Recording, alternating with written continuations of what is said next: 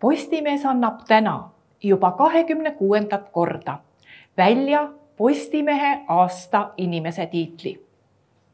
me anname tavaliselt selle tiitli välja kellelegi, kelle tegevus on olnud märgiline, tähtis ja ka Eesti jaoks oluline.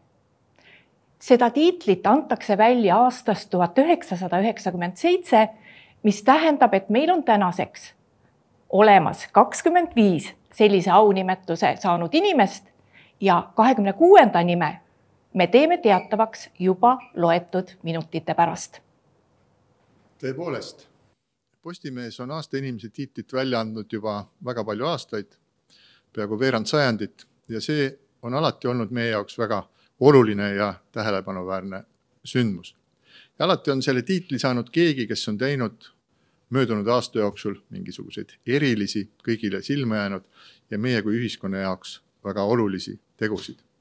ja tavapäraselt on need inimesed olnud ikka poliitikud, ühiskonnategelased, arstid, teadlased. see on selline tavapärane rahuaja värk. Aga viimasel kahel aastal on saanud aasta inimese tiitli need inimesed, kes on olnud seotud kriiside lahendamisega. ja see on juba teistsugune olukord. kui me arvestame seda, mis sünnib praegu maailmas, siis me näeme, et Euroopa ja Eesti selle sees seisab silmitsi enneolematu eksistentsiaalse kriisiga, mis on olulisem kui kõik muud küsimused.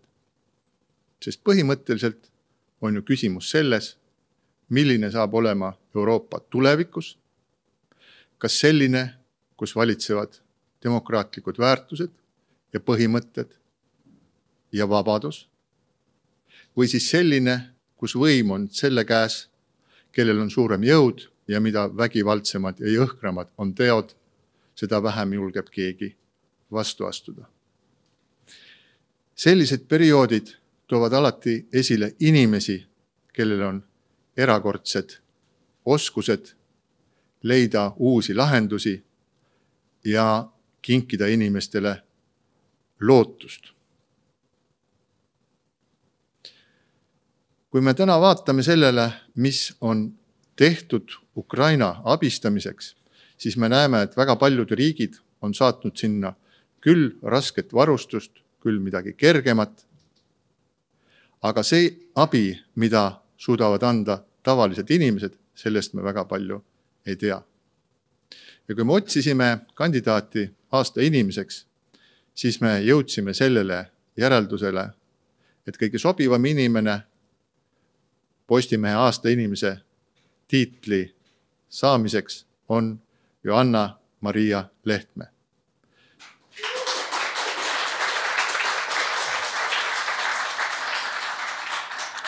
Tema on MTÜ Ukraina asutaja ja tegevjuht ja see MTÜ Ukraina tegeleb abi toimetamisega, abi kogumise ja abi toimetamisega Ukrainasse neile, kes seda kõige rohkem vajavad kas need on siis need võitlejad, kes on eesliinil või on need naised ja lapsed, kes on jäänud külma ja vähese toiduga, peavad endal kuidagi elu sees hoidma. Postimehel on olnud eriline au olla koos Johannaga kahes olulises aktsioonis, üks neist Tuhat kangelast lumes, mille käigus me koos kogusime kahe tuhandele võitlejale raha uute talvevormide väga tänapäevaste talvevormide õmblemiseks ja need vormid õmmeldi ka valmis. ja teine aktsioon, mis praegu veel on käimas, see on Lootuse jõulud, mis siis sajale tuhandele ukrainlasele annab lootust ja soojust. Aitäh sulle, Johanna. Maria Lehtme, aasta, Postimehe aasta inimene kaks tuhat kakskümmend kaks. aitäh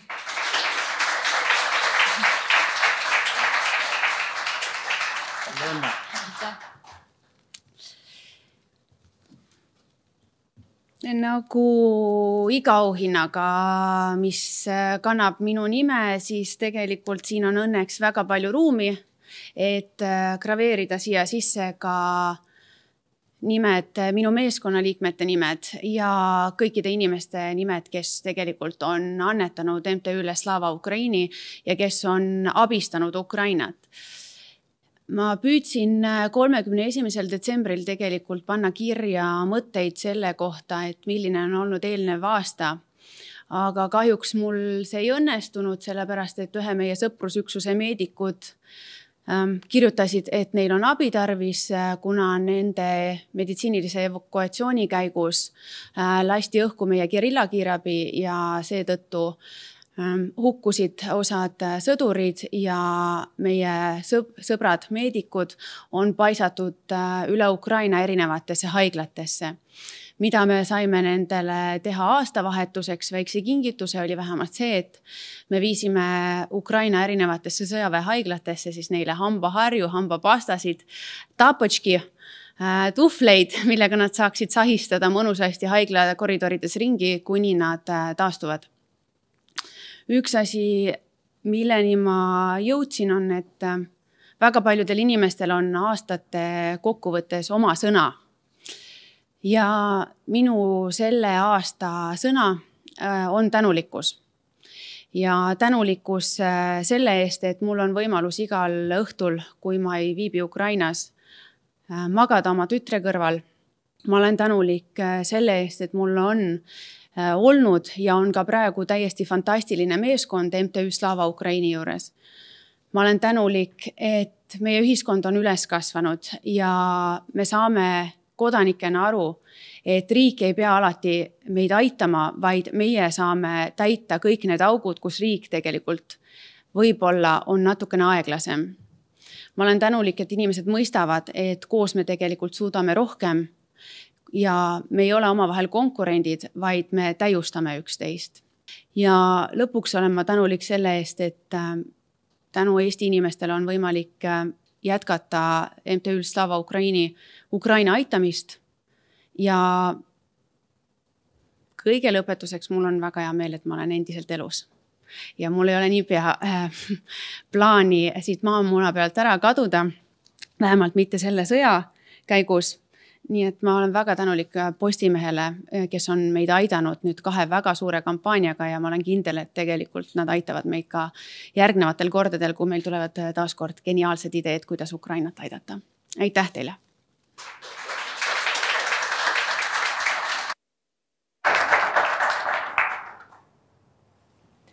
ja mina palun nüüd Johanna siia enda kõrvale istuma selleks, et mina saaksin Johanna käest ka mõned küsimused küsida.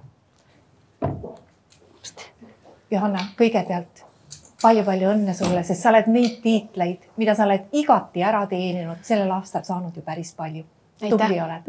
aitäh.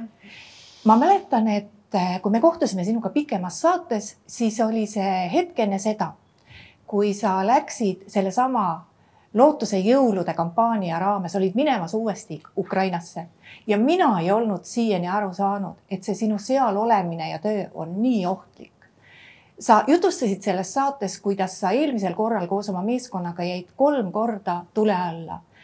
ja tol hetkel, kui see vestlus lõppes ja ma teadsin, et sa lähed uuesti Ukrainasse, ma tõesti iga päev mõtlesin su peale, et tuleks sa tagasi. kuidas see viimane kord oli? Viimane kord ma vist saabusin tagasi kahekümne kolmandal detsembril, kui ma ei äh, eksi. Ja viimane kord meil läks tegelikult väga edukalt, sellepärast et, äh, et me suutsime ära katta tegelikult äh, Guljapolje, Orihivi, Bahmuti, kus praegu käivad kõige suuremad lahingud. Ja, ja me näeme, et inimesed on tegelikult äärmiselt tänulikud selle üle, mis meie teeme. Ja see ei kehti ainult tsiviilisikute kohta, see kehtib täpselt samamoodi ka meedikute ja sõjaväe kohta, keda me abistame teeme. ja loomulikult eelmine kord oli väga oluline, sellepärast et äh, üheksateistkümnes detsember meie jaoks ei tähenda kalendrikuupäevaliselt mitte midagi, aga Ukrainas on see väga suur püha, suurem kui tegelikult jõulud, püha Nikolause päev ja meil oli võimalus äh, tegelikult aidata ka lapsi, kes on Lvivi oblastis äh, jäänud vanemateta kes on evakueeritud Lvivi oblastisse ja et me suutsime korraldada neile tegelikult toreda Püha Nikolause päeva. Ja et need lapsed, hoolimata sellele, et nad on kaotanud oma vanemad, said äh, vähemalt ühe päeva äh, tähistada seda, äh, mis tähendab lootus ja mis tähendab armastus. Et mm, on äh, äärmiselt raske ikka endiselt ja, ja mitte ainult äh, minu meeskonnal, kes käib igapäevaselt abistamas seal, vaid ka nendel inimestel, kes tegelikult taluvad seda igapäevaselt, seda sõda ja ikka endiselt Neid emotsioone ilmselt, mis valdavad sind nendes kõige raskemates olukordades ja kõige hullemate lugudega kokku puutudes, no neid ei ole võimalik kirjeldada. samas kuidas sa hoiad iseennast noh, selle emotsionaalse kaose eest, et äh, sa tunned, et see sõda on nii lõputu ja, ja see abi tõenäoliselt on hästi vajalik, aga seda on järjest rohkem ja rohkem vaja. et äh, kuidas selles hakkama saada, kuidas sa selles ise hakkama saad? ma arvan, et eestlased peaksid üle võtma ukrainlastelt vähemalt ühe asja ja see on positiivsus ja väga must huumor ka sõja ajal. et tegelikult äh, kui me toetume ukrainlastele ja nende tugevusele, siis tegelikult me suudame ka rohkem ja eks mul on oma meeskond, kellele toetuda, äh, kellega me räägime kõikidest asjadest, räägime emotsioonidest ja loomulikult on väga suureks toeks tegelikult ka sõjavägi. et äh, sest nemad hoolimata sellest, et meie ei võitle relvadega Äh, võitlevad äh, MTÜ Slava Ukraini vabatahtlikud ja meeskond tegelikult ka rindejoonel ja me mõistame üksteist ja see annab tegelikult tuge et, äh, et kui me omavahel suhtleme sõjaväega, siis see annab hästi palju sellist jõudu, et see, mida me teeme, on õige ja olgugi, et see on võib-olla piisk ookeanis, meie abi on äärmiselt vajalik. Te olete seda ikkagi pagana kaua juba teinud, sest see sõda on kestnud üle kolmesaja päeva. kui vaadata tagasi päris algusesse, kuidas see kahekümne neljas veebruar eelmisel aastal sulle algas ja mis siis edasi sai? Algas tegelikult minu endise ülemuse Tiina Loki kõnega ja, ja, ja, ja, ja siis minu lapse isa kõnega, et sõda on alanud. ja ega mul tuli alles nüüd suvel meelde, et kuidas see päev läks, et äh, ma olen väga aus, see päev oli täis äh, ärevushäired ja, ja oksendamist sest ma ei suutnud aru saada, et äh, kuidas see on võimalik, et sõda on tõesti alanud ja täismahuline sõda. Aga ma ei ole selline inimene, kes istub äh, lihtsalt käed rüppes, et, äh, et üsna pea ju tuli ka telefoni, järgmine telefonikõne, et on vaja kiirabisid ja, ja sealt me läksime edasi ja nii sündiski tegelikult Slava Ukraini. Vot sa ütlesid ühe väga huvitava lause, et teil on toredad ja ma arvan, et mitte ainult toredad, vaid selle sõjaolukorra tõttu äärmiselt vajalikud suhted Ukraina sõjaväega. Kui, kui head ja lähedased need tegelikult on, et kui sa lähed sinna, no ma isegi ei ütleks, et mitte rinde lähedasse paika, vaid põhimõtteliselt te olete ju enamasti rindel. et kui te, kui te lähete nendesse kõige, kõige raskematesse kohtadesse, kui palju sa saad eelinformatsiooni, mis seal tegelikult toimub, kui palju sul ja sinu meeskonnal on võimalik saada sellist hoiatust ja, ja ülevaadet ka reaalsetest oludest? Eks tänu nendele tegelikult sõjaväele me saamegi tegutseda ja see on kas sõjavägi või siis politsei, kes asub nendes linnades, kuhu me siis lähme. et äh, humanitaarabi poole pealt äh, on sõjavägi ja politsei meile väga suureks abiks ja, ja politsei on selline institutsioon Ukrainas, kelle üle võib-olla visatakse natukene liiga palju nalja, aga käsi südamel äh, ainus põhjus, miks me saame Kuljapoljasse ja Orihhivisse sisse täna, mis on tegelikult nii ajakirjanikele kui ka humanitaarabile suletud suletud äh, turvalisuse riskide tõttu, siis äh, need on äh, politseinikud, kes on jäänud või kes on tagasi läinud ja kes aitavad meid.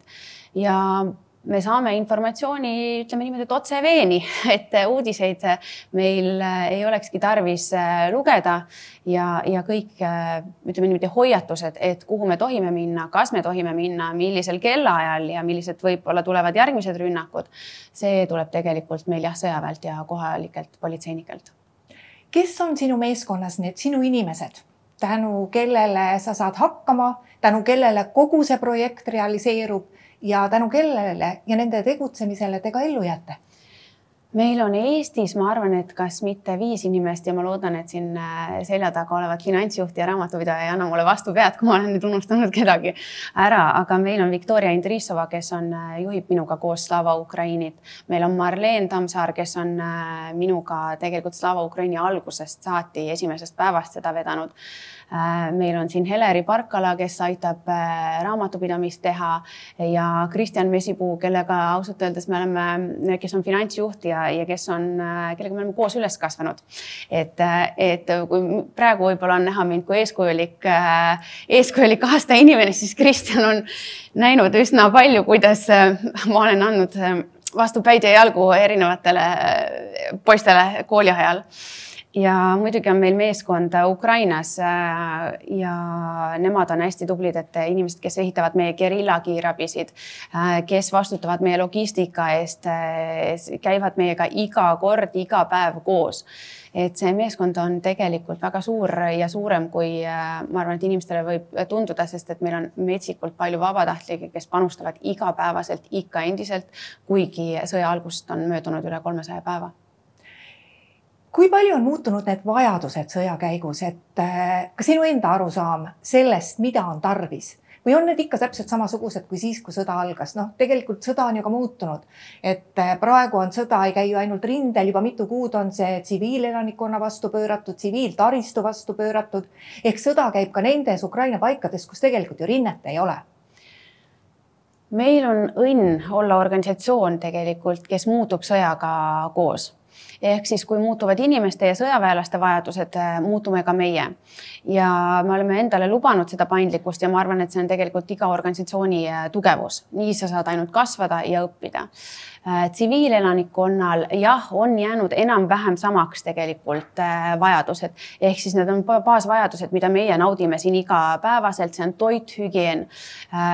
Aga nüüd, kui on elektritaristut niivõrd suuresti tegelikult rünnatud, siis sellised asjad, et meie paneme mõnuga lihtsalt atmosfääri tekitamiseks endal kodus küünla, see on seal kulla hinnaga, kui sa viid neile küünlaid, lisapatareisid ja taskulampe, et äh, Pahmutis oli väga selline kentsakas olukord, kus üks naisterahvas äh, tuli meie juurde, ütles, et teate, et kas seekord panite taskulambid ikkagi sisse, et eelmine kord, kui ma läksin maja ette puid tegema, siis naabrinaine varastas mu peatasku, pealambi ära ja, ja tõbras valetab, et ei, ei võtnud ikka tema, et kuigi tal oli siia isegi pandud mingi kleepekas, et see on tegelikult tema oma.